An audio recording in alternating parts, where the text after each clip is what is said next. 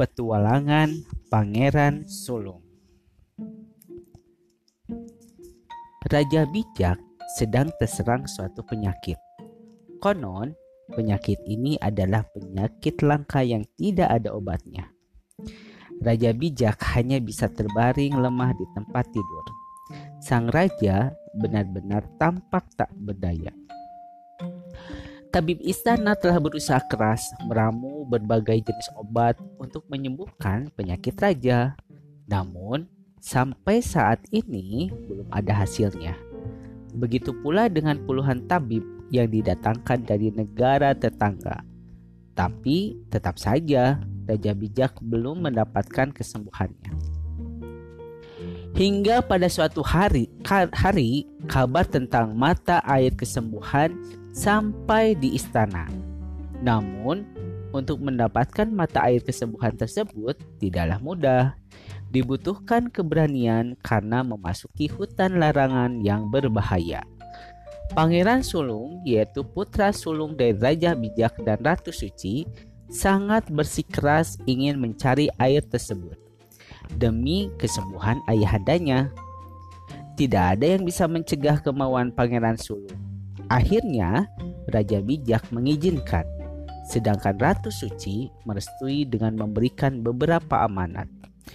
Kau akan berhasil, Nak, dengan doa, kekuatan, akal, dan cinta. Pangeran Sulung memacu kudanya dengan gagah. Ia harus menemukan obat sesegera mungkin untuk kesembuhan sang ayah. Ketika Pangeran Sulung berada di pinggir hutan larangan, ia memberhentikan kudanya. Pangeran Sulung menatap jauh ke dalam hutan. Banyak bahaya dan rahasia di sana. Tapi ia tidak boleh takut. Bayangan wajah ayah yang sedang terbaring lemah kembali membuat Pangeran Sulung meneteskan air mata. Ayah, kau harus sembuh. Bagaimanapun bahayanya, aku akan berusaha menemukan mata air kesembuhan untuk ayah. Ucap Pangeran Sulung sambil menyeka air matanya. Dengan berdoa terlebih dahulu kepada Tuhan Yang Maha Esa, Pangeran Sulung pun memantapkan hati masuk jauh ke dalam hutan larangan. Setelah berjalan cukup jauh, tiba-tiba Pangeran Sulung melihat seekor harimau yang sedang tidur. Di balik tubuh harimau tampak undakan tangga yang tidak lengkap jumlahnya. Mungkin sudah roboh karena dimakan lumut dan waktu. Undakan tangga itu adalah jalan penghubung untuk mencapai sebuah bukit yang berada di dalam hutan larangan, yaitu bukit yang menuju puncak hutan larangan, tempat di mana air mata kesembuhan berada. Lalu, bagaimana cara Pangeran Sulung melewati undakan tangga yang tinggi tersebut? Apalagi ada seorang seekor harimau yang menjaganya. Di saat berpikir tersebut, tiba-tiba Pangeran Sulung ingat dengan pesan sang bunda. Kau akan berhasil nak dengan doa, kekuatan, akal, dan cinta. Ia telah berdoa kepada Tuhan Yang Maha Esa tadi sebelum memasuki hutan larangan ini. Dan kali ini mungkin ia harus mengandalkan kekuatannya. Pangeran Sulung turun dari kudanya dengan hati-hati agar tidak membangunkan sang harimau. Kudaku, sekarang kau kembalilah ke istana. Sudah saatnya aku harus berjuang sendiri. Ucap Pangeran Sulung sambil menepuk lembut kepala kuda. Meminta kuda tersebut kembali ke istana. Sang kuda pun patuh dan berjalan menjauh. Pangeran Sulung mulai melempati satu undakan. Hup, Undakan itu tinggi dan licin. Pangeran harus menjaga keseimbangannya agar tidak tergelincir. Di saat ini, Pangeran Sulung jadi teringat lagi kepada raja. Setiap hari, raja selalu memerintahkan Pangeran Sulung untuk berlatih. Awalnya, Pangeran Sulung tidak suka karena melelahkan, mulai dari latihan lari, lompat jauh, berenang, belajar memanah hingga berkuda. Namun, karena rutin dikerjakan setiap hari, hal yang mulanya melelahkan itu menjadi menyenangkan. Pangeran Sulung pun merasakan manfaatnya. Tubuhnya menjadi lebih sehat dan bugar. Tenaganya menjadi semakin kuat. Ia juga tidak mudah lelah dan lebih bisa berkonsentrasi. Ratu Suci bilang, di saat kita berlatih atau berolahraga, udara yang kaya oksigen akan memasuki paru-paru dan peredaran darah kita sehingga kita lebih sehat dan lebih fokus. Ayah dan ibu benar, syukurlah aku suka berlatih setiap harinya. Kini aku mempunyai kekuatan, ucap Pangeran Sulung. Namun tiba-tiba harimau penjaga undakan tangga terjaga. Ia melihat orang asing yang melompati tangganya. Harimau tampak marah dan mengejar Pangeran Sulung. Pangeran Sulung segera menyadari itu. Ia menambah kecepatan lari. Ia juga melompat dengan lebih bertenaga saat harimau hampir menangkapnya. Pangeran Sulung segera meraih sebuah dahan kayu yang melintang di atas kepalanya. Hop! Pangeran meraih dan bergantung pada dahan kayu. Lalu secepat mungkin melompat ke undakan paling atas. Dahan kayu yang dilepas pangeran lalu terpental dan tepat mengenai harimau. Akibatnya, harimau terjatuh dan tidak dapat mengejar pangeran. Maafkan aku harimau, aku tidak bermaksud jahat. Aku hanya ingin mencari kesembuhan untuk ayahku. Teriak pangeran sulung lalu segera berlari menjauh. Setelah berjalan cukup jauh, pangeran sulung lalu menemukan sebuah sungai. Sungai tersebut jernih dan dalam. Ada beberapa buaya sebagai penghuninya. Sedangkan perahu atau sampan tidak ada di sana. Aduh, bagaimana caraku menyeberangi sungai ini? Ucapnya kebingungan. Kau akan berhasil nak dengan doa, kekuatan, akal, dan cinta. Ya, dengan akal aku harus berpikir. Ucap Pangeran Sulung sambil teringat kembali pesan ibunda. Aha, aku punya ide, uh, teriak Pangeran Sulung. Ucapan itu sekaligus menyadarkan para buaya bahwa ada manusia di sana. Wah, ada manusia, bisa jadi santapan makan siang kita, ucap buaya pa yang paling besar. Hei para buaya, apa kalian mau makan aku? Tanya Pangeran Sulung dengan gagah berani. Tentu saja, kemarilah aku dan teman-temanku belum makan siang. Kalau begitu, berbarislah kalian. Aku bisa menghitung jumlah kalian agar pembagian untuk makan siang kalian sama rata. Ucap Pangeran Sulung dengan cediknya. Para buaya pun berbaris teratur hingga mencapai ujung sebelah sungai. Pangeran mulai melompati para buaya sambil menghitung jumlah mereka. Satu, dua, tiga, empat, lima, 6, 7, dan 8.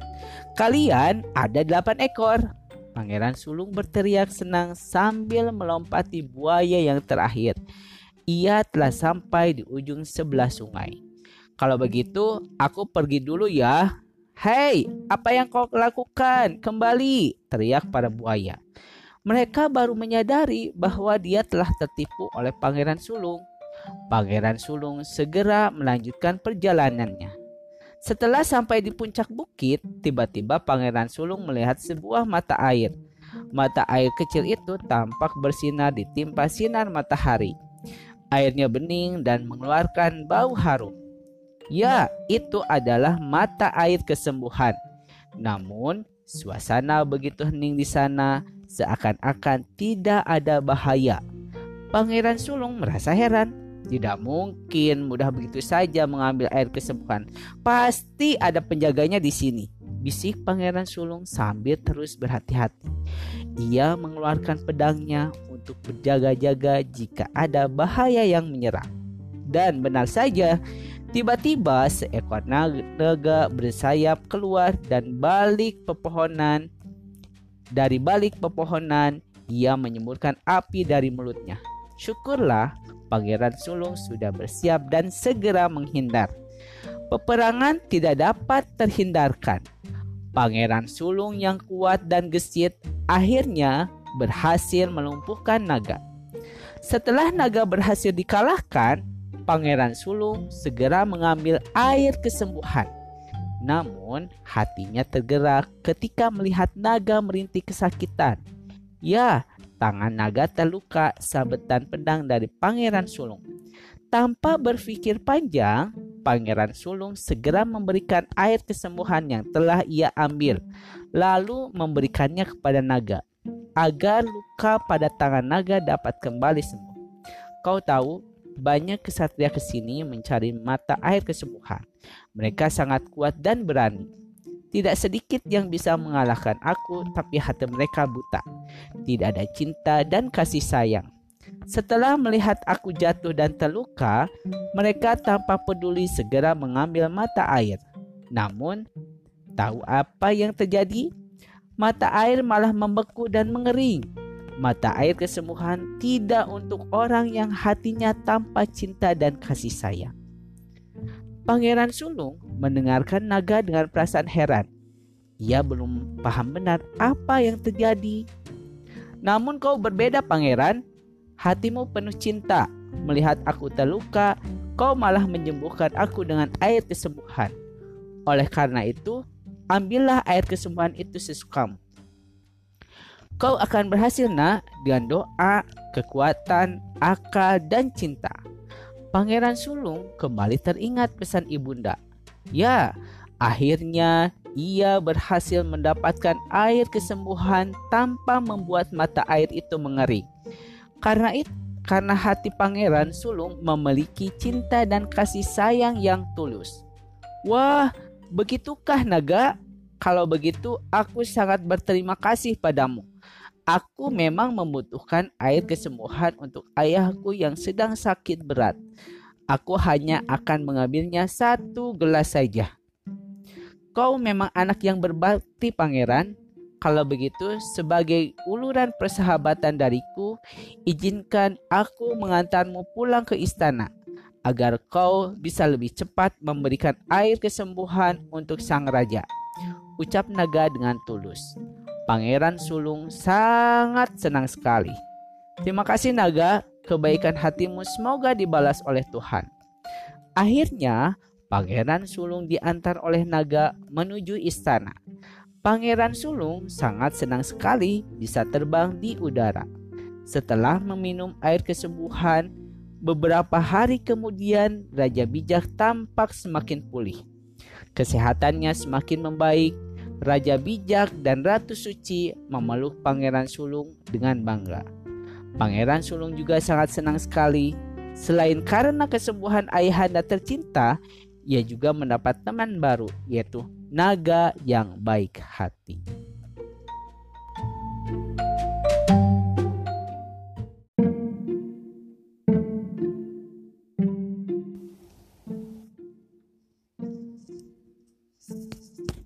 Menjelajah luar angkasa bersama Maga Capupa. Bangun mas, udah pagi. Beruan mandi biar kita bisa main bola di pinggir pantai. Guncangan tangan Bagas langsung membuatku bangun. Beberapa detik kemudian, aku melompat dari kasur untuk segera mandi dan sarapan. Sepanjang jalan menuju pantai, kami terus mengiring bola sampai tertawa riang. Ini Dimas dari Jakarta. Begitulah Bagas memperkenalkan aku kepada orang-orang yang kami jumpai sepanjang perjalanan. Mas, biar seru main bolanya, kita tunggu teman-teman yang lain datang ya. Mereka pasti bantuin orang tua yang jualan ikan. Bagas menjelaskan padaku sambil terus menggiring bola. Aku menyetujuinya. Lalu aku melihat suatu tempat. Bagas, itu tempat apa? Aku menunjuk ke arah bangunan tua.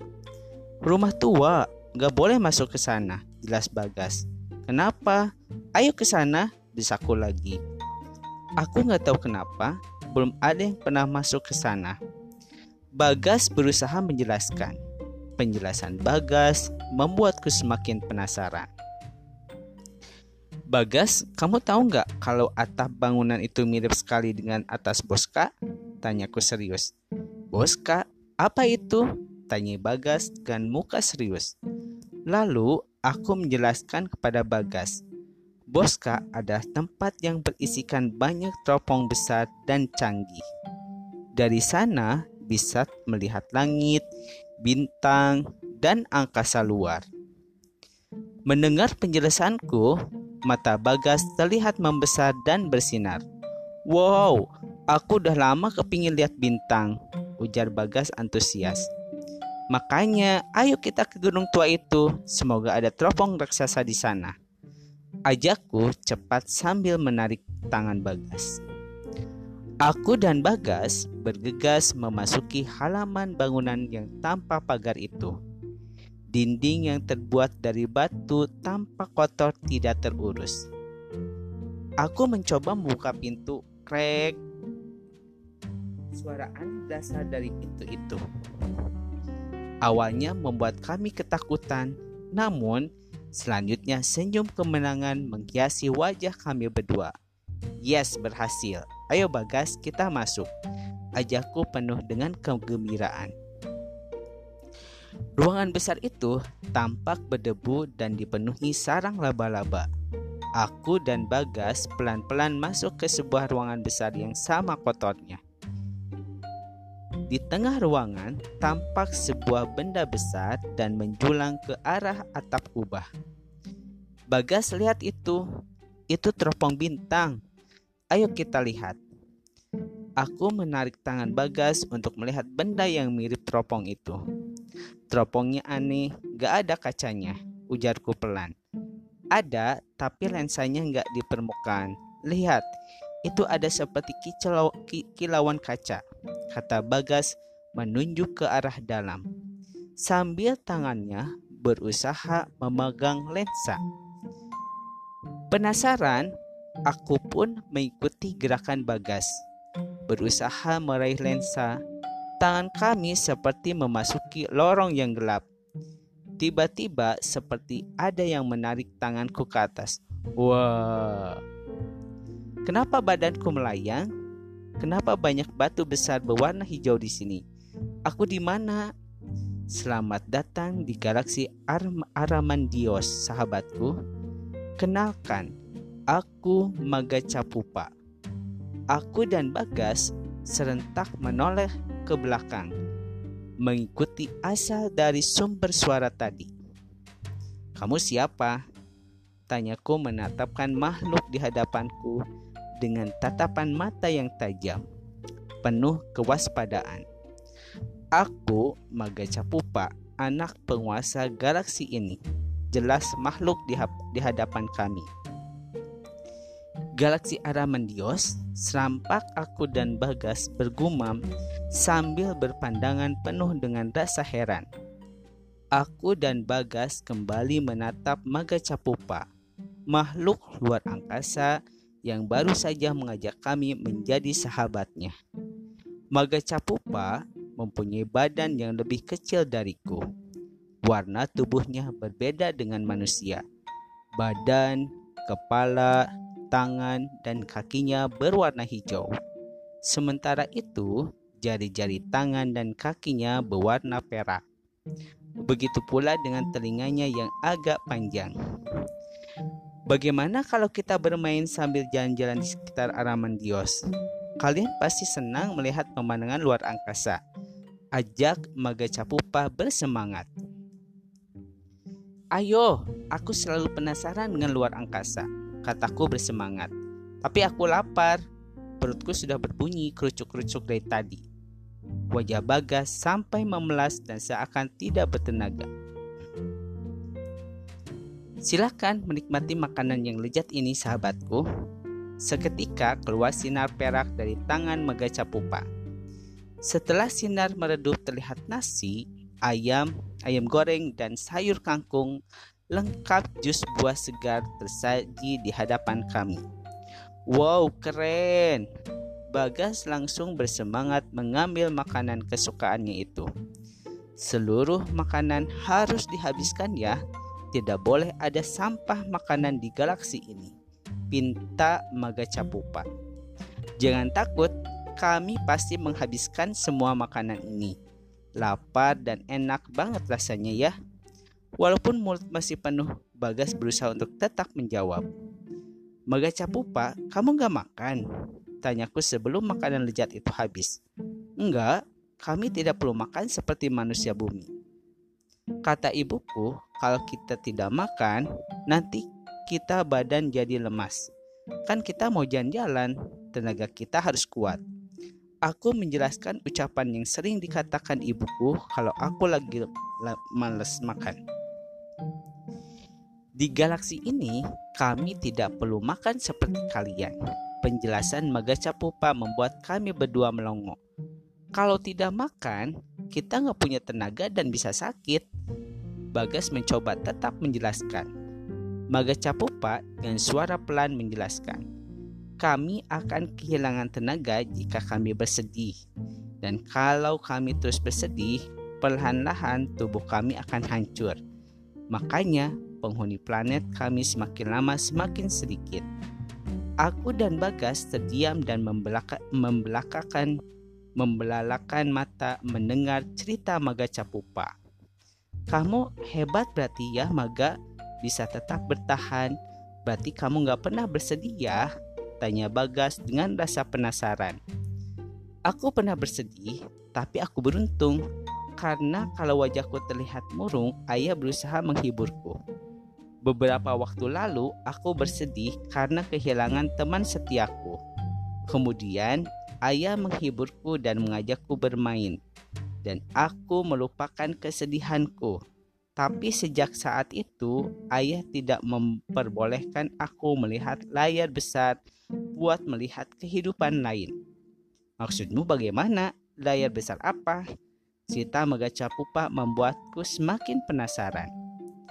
Aku dan temanku dulu diperbolehkan ayah melihat kehidupan lain selain galaksi Armandios. Kami sering melihat anak-anak di bumi bermain.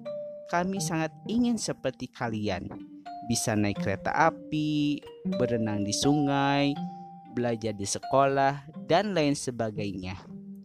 Kami sedih karena tidak bisa seperti anak-anak di bumi.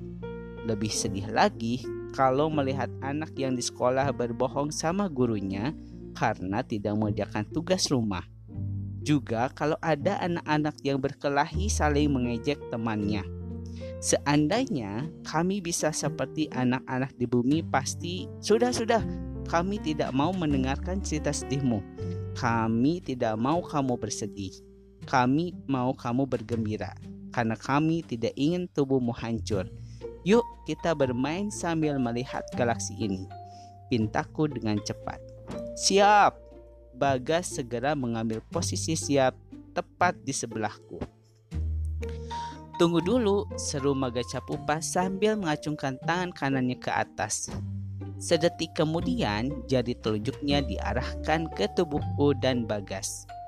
Untuk sementara, kalian harus mempunyai kaki dan tangan seperti aku agar kita bisa terbang menjelajah jagat raya yang sangat luas ini.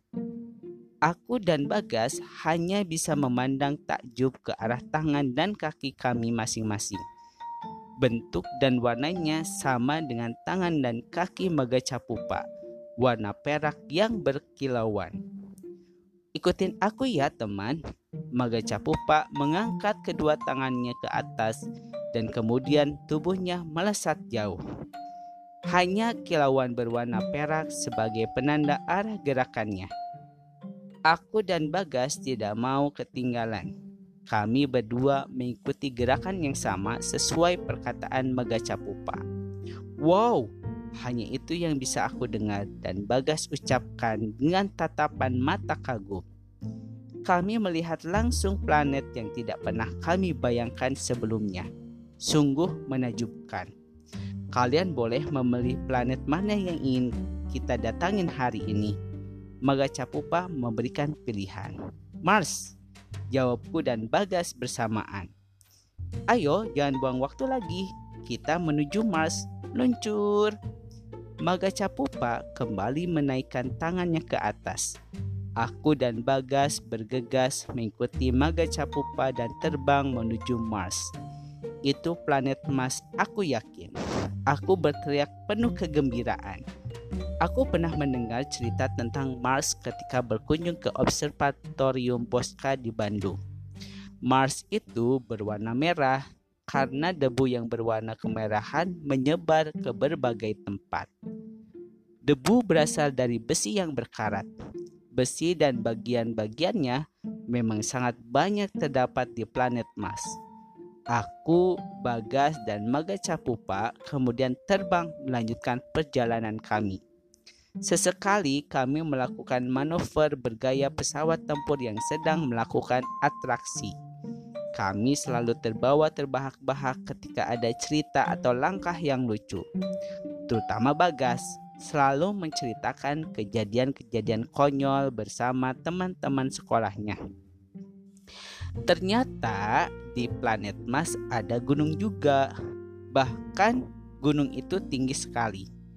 Seru Bagas penuh kekaguman. Itu Gunung Olympus, gunung yang paling tinggi di planet Mars. Lihat, itu Cidonia Mansai, bentuknya seperti bukit. Kalau yang sebelah sana itu satelit yang ada di planet Mars, Phobos dan Deimos namanya. Maga Capupa menjelaskan dengan penuh semangat. Kami bertiga terus menyusuri planet Mars dengan penuh kekaguman. Suasana di planet Mars sangat berbeda dengan di bumi. Setelah bumi, setelah puas berjalan-jalan menikmati planet ini, Maga Capupa mengajak kami kembali ke Armandios karena suhu di planet ini akan turun drastis mencapai minus 110. Suhu yang berubah drastis akan menyebabkan tornado dan badai debu yang parah. Bisa-bisa kami terperangkap di dalam planet ini. Aku senang sekali hari ini. Terima kasih Maga sudah mengajak kami berjalan-jalan melihat angkasa luar. Ucapku ketika kami sudah mendarat kembali di Armandios. Terima kasih mau menjadi sahabatku dan membuatku bergembira hari ini. Tapi mohon maaf, sudah saatnya kalian kembali ke bumi karena aku tidak mau orang tua dan nenek kalian kehilangan kalian. Aku tidak mau membuat orang-orang di bumi menjadi bersedih. Maga Capupa mengucapkan kata-kata yang membuat kami tersadar bahwa kami memang harus segera pulang. Jangan sampai Orang-orang di kampung berkeliling ke seluruh pelosok Paragen mencari keberadaan kami.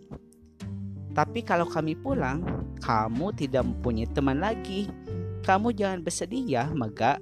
Doakan kami bisa menjadi astronot agar menjadi agar kami bisa berjalan-jalan kemari lagi.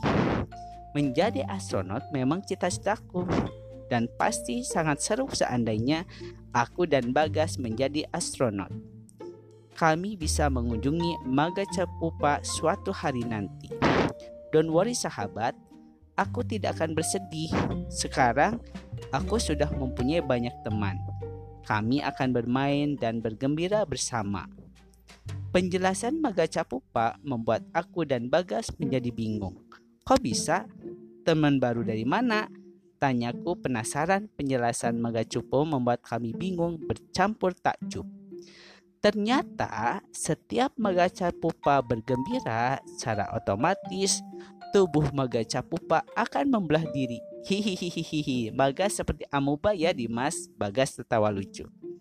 Sebelum memasuki lorong terong bintang, teropong bintang, aku memeluk dan berpesan kepada Maga supaya tidak boleh bersedih. Dengan penuh percaya diri, Maga menyampaikan kepadaku dan Bagas kami anak-anak Araman Dios tidak akan bersedih. Aku mau memohon kepada ayahku untuk memberikan izin kepada kami agar dapat melihat kehidupan di bumi seminggu sekali. Dan kami berjanji jika waktu itu tiba, kami hanya akan melihat kalian. Karena aku yakin kalian tidak akan membuat kami bersedih, tidak akan berkelahi, tidak mencuri, menghormati orang tua, tidak membuang sampah sembarangan, dan melakukan hal-hal baik lainnya. Kami akan selalu ingat pesanmu Maga. Sampai berjumpa kembali.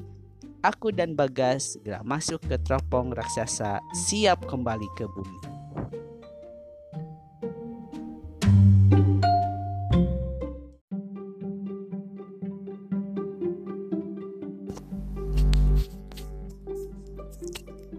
Kabut Di sebuah bangunan yang tidak utuh lagi, sebuah ruangan yang merupakan sebuah kelas terkapar beberapa tubuh yang sudah tak bernyawa. Bahkan sebagian kulit-kulit sudah hangus. Tidak hanya di kota ini, bahkan di setiap belahan bumi saat ini terjadi hal yang sama. Lalu, apa sebenarnya yang terjadi? Tiga hari yang lalu, Siapa sangka tiga hari yang lalu Aji dan teman-temannya masih merasakan panas pagi yang menyengat di upacara Senin. Hari itu masih jam 8 kurang 15.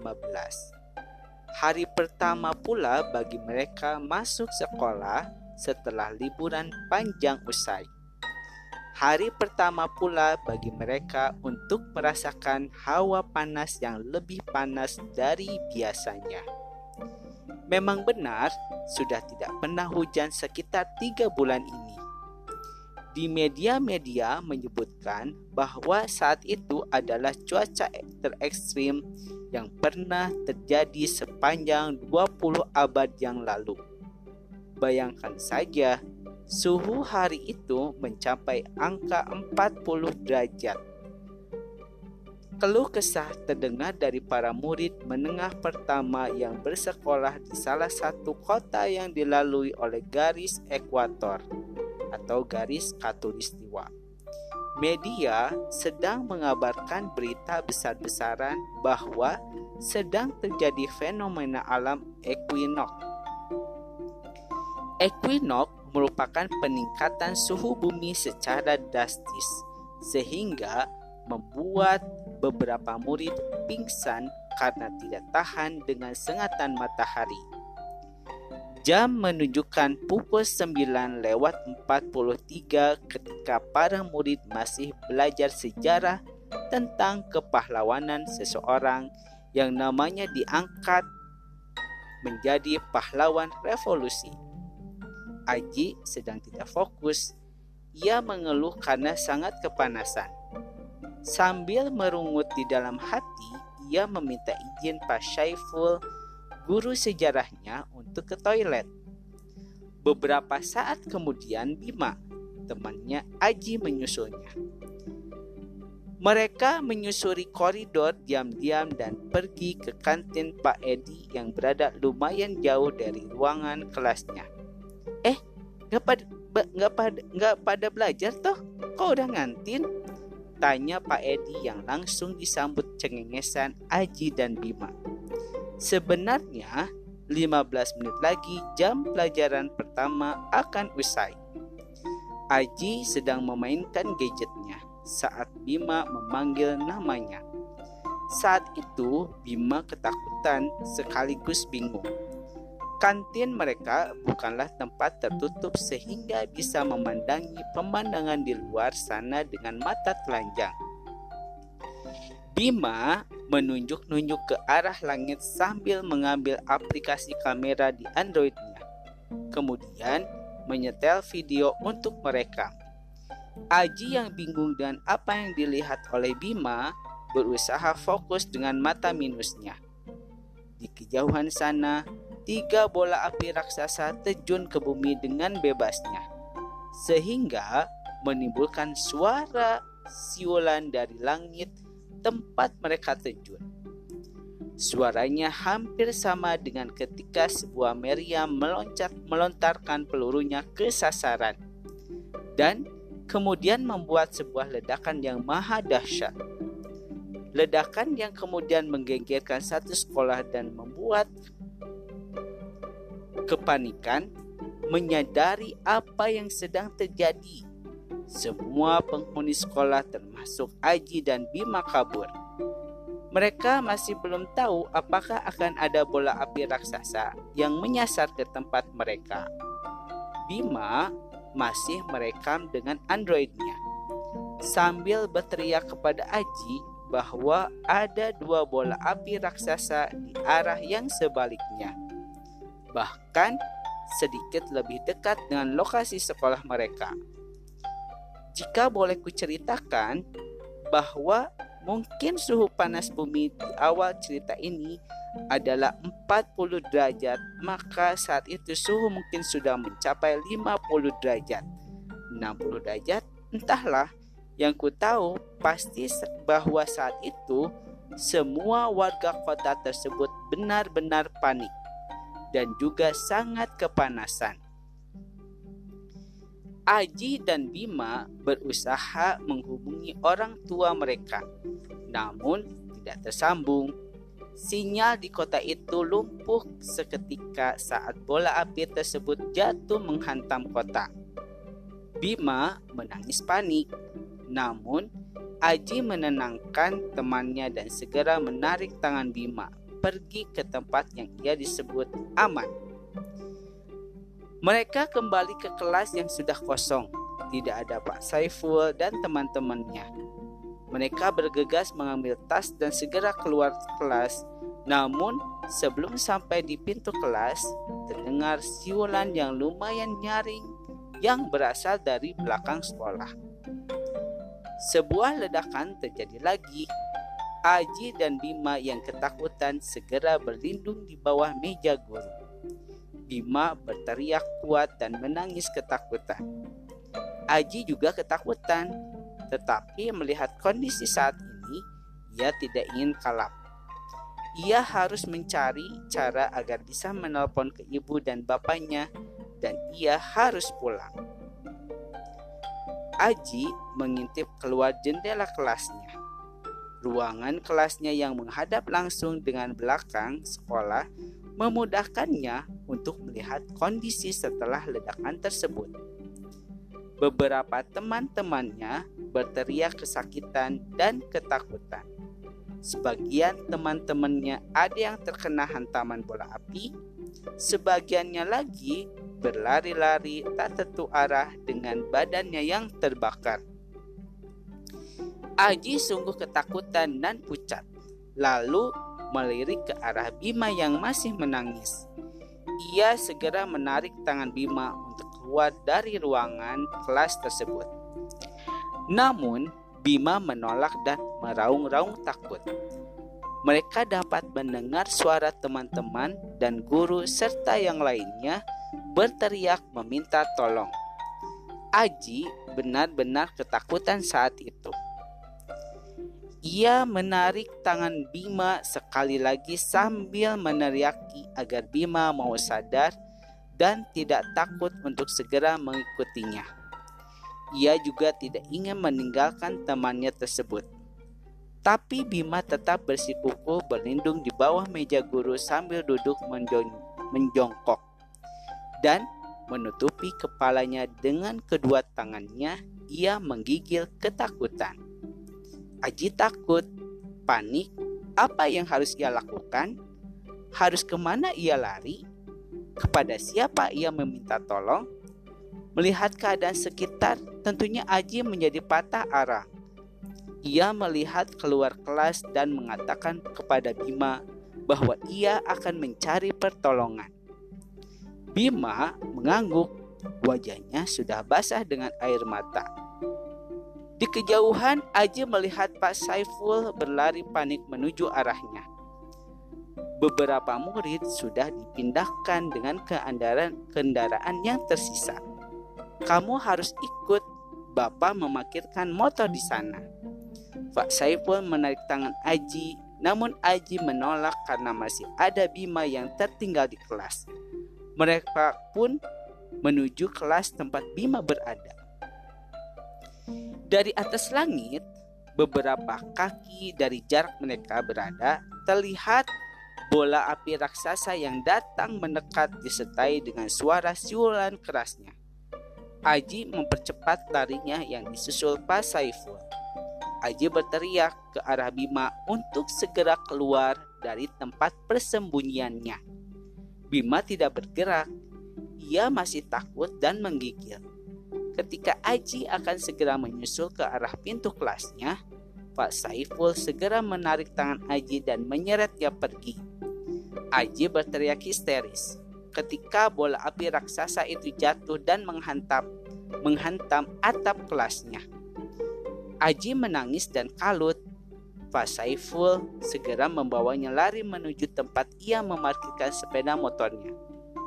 Belum sampai di sana, bola api raksasa lainnya jatuh dan menghantam lokasi tersebut.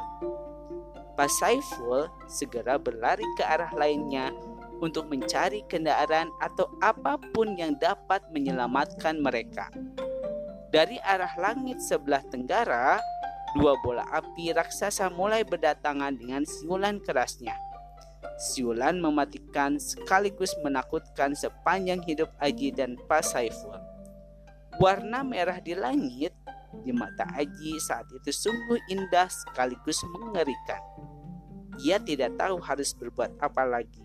Namun, syukurlah Pak Saiful masih bisa berpikir jernih. Lalu menarik Aji menghindar. Beberapa saat setelah itu sirine kota berbunyi.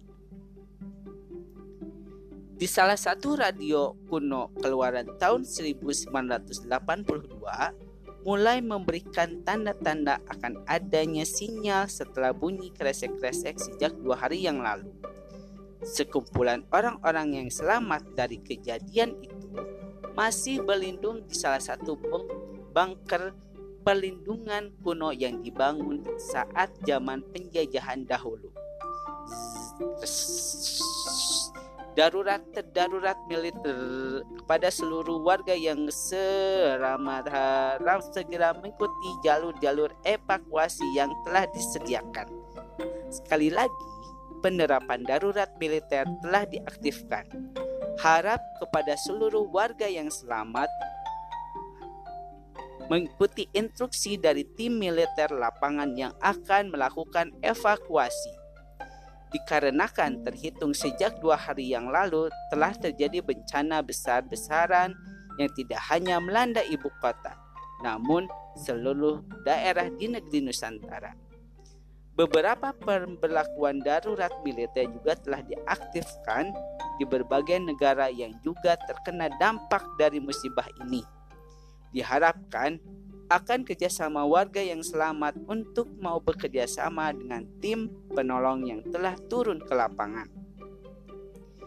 Riuh rendah dan suara kebingungan dari beberapa warga yang selamat tersebut mengucap syukur ada pula yang masih histeris karena kehilangan kontak dengan keluarganya. Seorang lelaki berjanggut mendekati radio tersebut dan mulai mengganti channelnya ia masih penasaran dengan apa yang terjadi sebenarnya. Setengah hari ia habiskan waktu untuk menunggu dan bersabar agar mendapatkan berita yang ia inginkan. Saat ini, setelah darurat militer diberlakukan, menurut saya saat ini jugalah kita harus bijak dalam menghadapi situasi dan kondisi. Begitulah awalan dari suara dari radio tersebut. Namun, setelah badai hujan meteor tersebut, kita harus waspada dengan hal yang akan terjadi selanjutnya. Kebakaran besar-besaran melanda setiap belahan bumi saat ini, menghabiskan segala jenis makanan yang tidak bisa kita selamatkan. Ada baiknya semua warga yang selamat lebih berhemat dalam mengonsumsi makanan karena mungkin saja bantuan pemerintah tidak akan tepat waktu. Tapi selain hal tersebut, perlu diketahui bahwa setelah ini mungkin saja kita akan dilanda kekeringan. Bahkan tanah yang akan Anda injak mungkin tidak akan lembab seperti biasanya. Bumi akan diliputi kabut karena debu yang berterbangan harap para warga dapat melindungi dirinya masing-masing. Orang itu memberikan jeda setelah kabar yang ia beritakan. Beberapa orang yang berada di dalam bunker nyaris tidak bersuara karena menunggu dalam kecemasan. Pernahkah Anda mendengar di sebuah kitab agama tentang hal ini? Hujan meteor lalu datangnya kabut mematikan. Terbaliknya arah matahari dan bulan. Awalnya aku tidak mempercayainya karena mungkin itu hanyalah dongeng. Namun sekarang aku sedikit yakin mengenai hal itu. Kemudian ia memberi jeda lagi. Aku tidak ingin mempercayainya, tapi hal tersebut yang akan menimpa kita. Sekian, terima kasih. Radio pun kehilangan sinyal.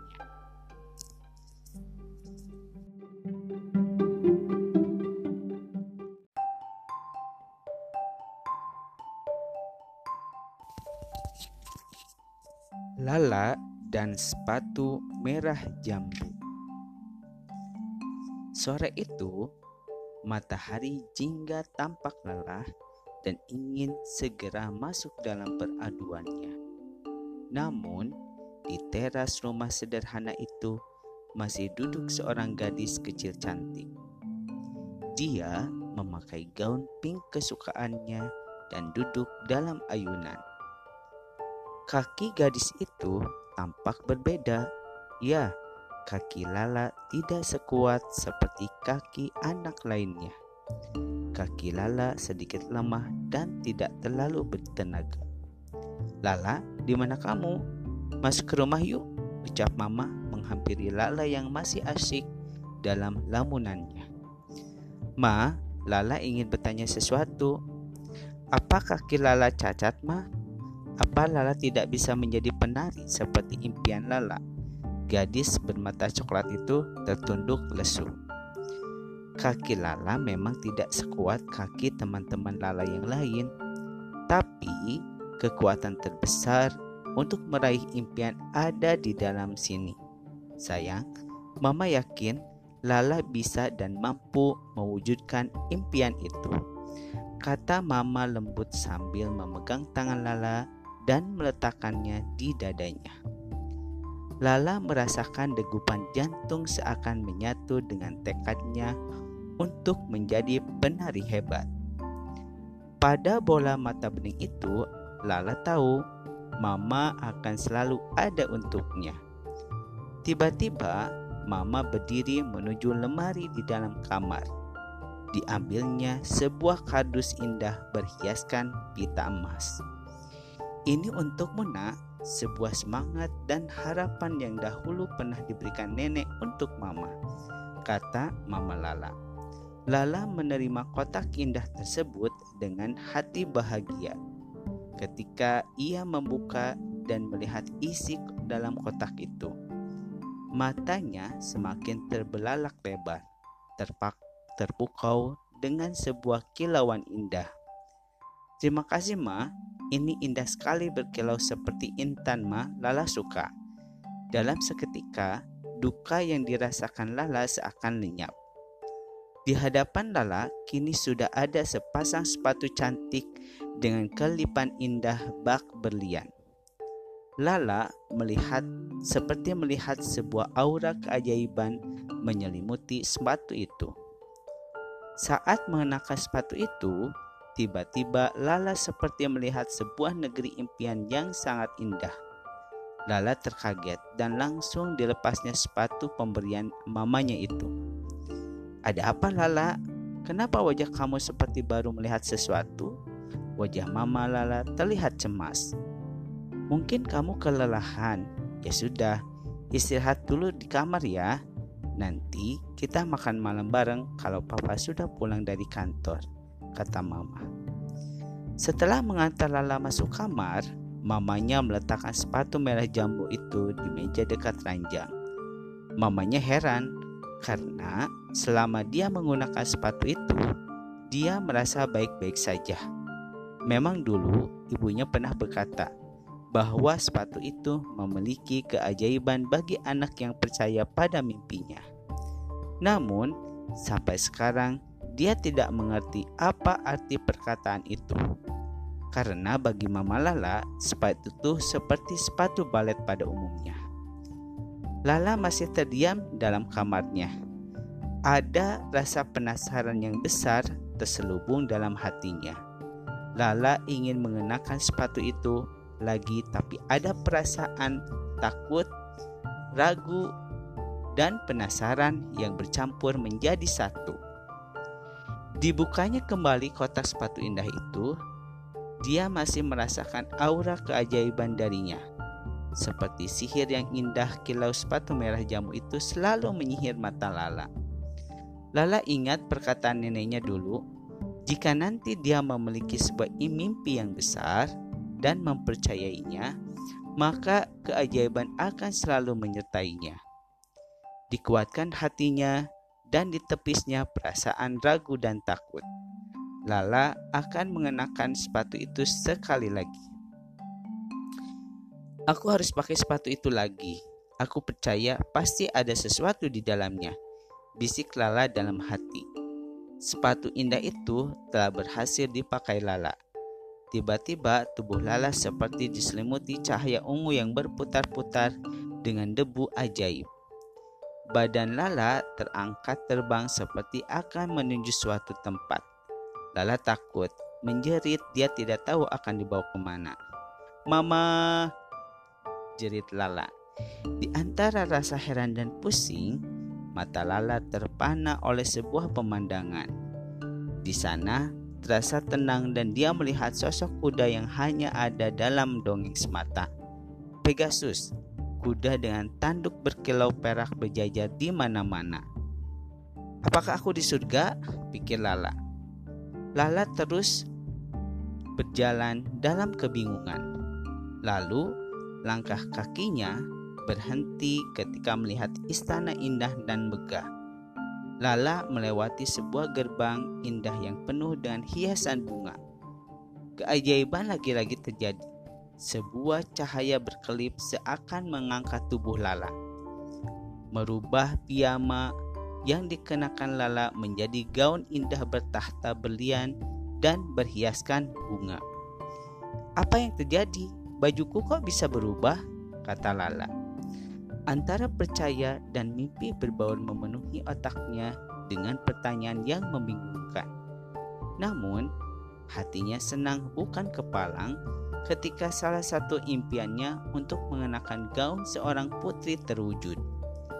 Lala mengumpulkan semua keberaniannya untuk masuk dalam istana. Pengawal gerbang membiarkannya masuk. Mungkin karena melihat pakaian bak putih yang dikenakan Lala.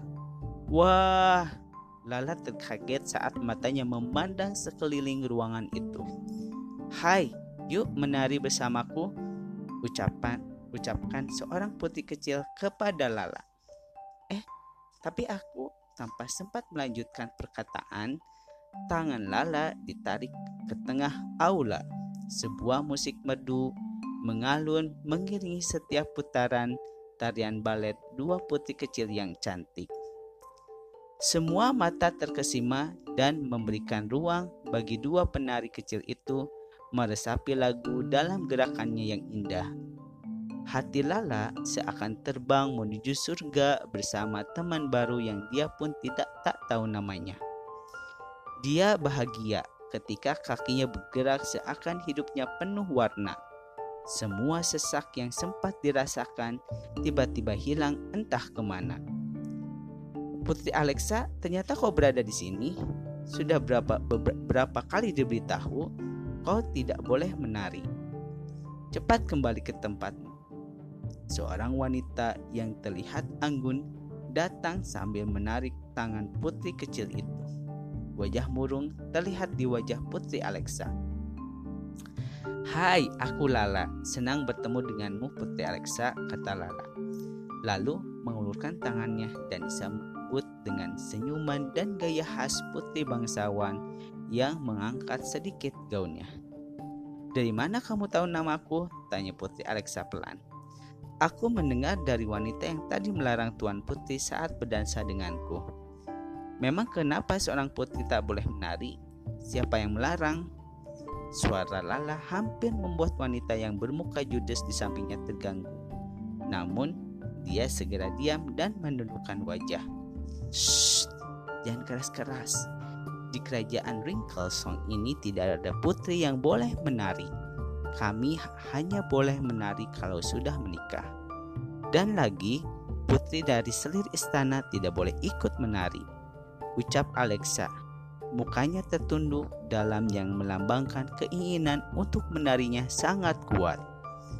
Tapi saat aku menari, berputar, menggerakkan tangan dan tubuhku, maka aku merasakan seakan angin, bunga, dan alam berayun bersama diriku, kata Putri Alexa sedih. Putri kecil sepertiku hanya boleh bernyanyi, tapi suaraku jelek dan guru kerajaan sering kali memarahiku. Uja air mata Alexa mulai jatuh menetes. Hati Lala seakan tersetrum dengan perkataan Putri Alexa dia merasa malu karena merasa lemah dan ingin menyerah. Ternyata, apa yang dirasakan tidak seberapa dibandingkan dengan segala tekanan dalam kerajaan Putri Alexa. Putri, aku kagum padamu. Walaupun banyak larangan, kamu masih bersemangat dan tekad menarimu begitu kuat, kata Lala. Ternyata Putri Alexa dan Lala berbicara sambil terus berjalan menuju taman kerajaan. Karena begitu asiknya berbicara, Lala tidak menyadari jika sepatu yang dikenakannya terlihat berkilauan dan tubuhnya terasa seperti dikelilingi debu warna-warni. Lala, ada apa? Tanya Putri Alexa panik. Karena bingung, tak tahu apa yang terjadi pada sahabat barunya itu. Tak apa-apa Putri, sepertinya aku harus pulang dulu. Terima kasih Putri Alexa, semoga kita bisa bertemu kembali. Kata Lala sambil melambaikan tangannya. Tak seberapa lama, Lala sudah berada di kamarnya dan sepatu merah jambu itu masih terlihat berkilau indah. Hatinya masih terasa dagdikduk karena baru saja mengalami perjalanan ajaib yang tak pernah dibayangkannya. Namun, ada semangat baru yang Lala pelajari dari sahabat barunya di negeri Ringkesong, yaitu dia takkan takkan menyerah untuk menggapai impiannya. Lala pun segera tidur dan menyimpan sepatu cantik itu di kotaknya. Dia berharap sebuah keajaiban kelak akan datang lagi.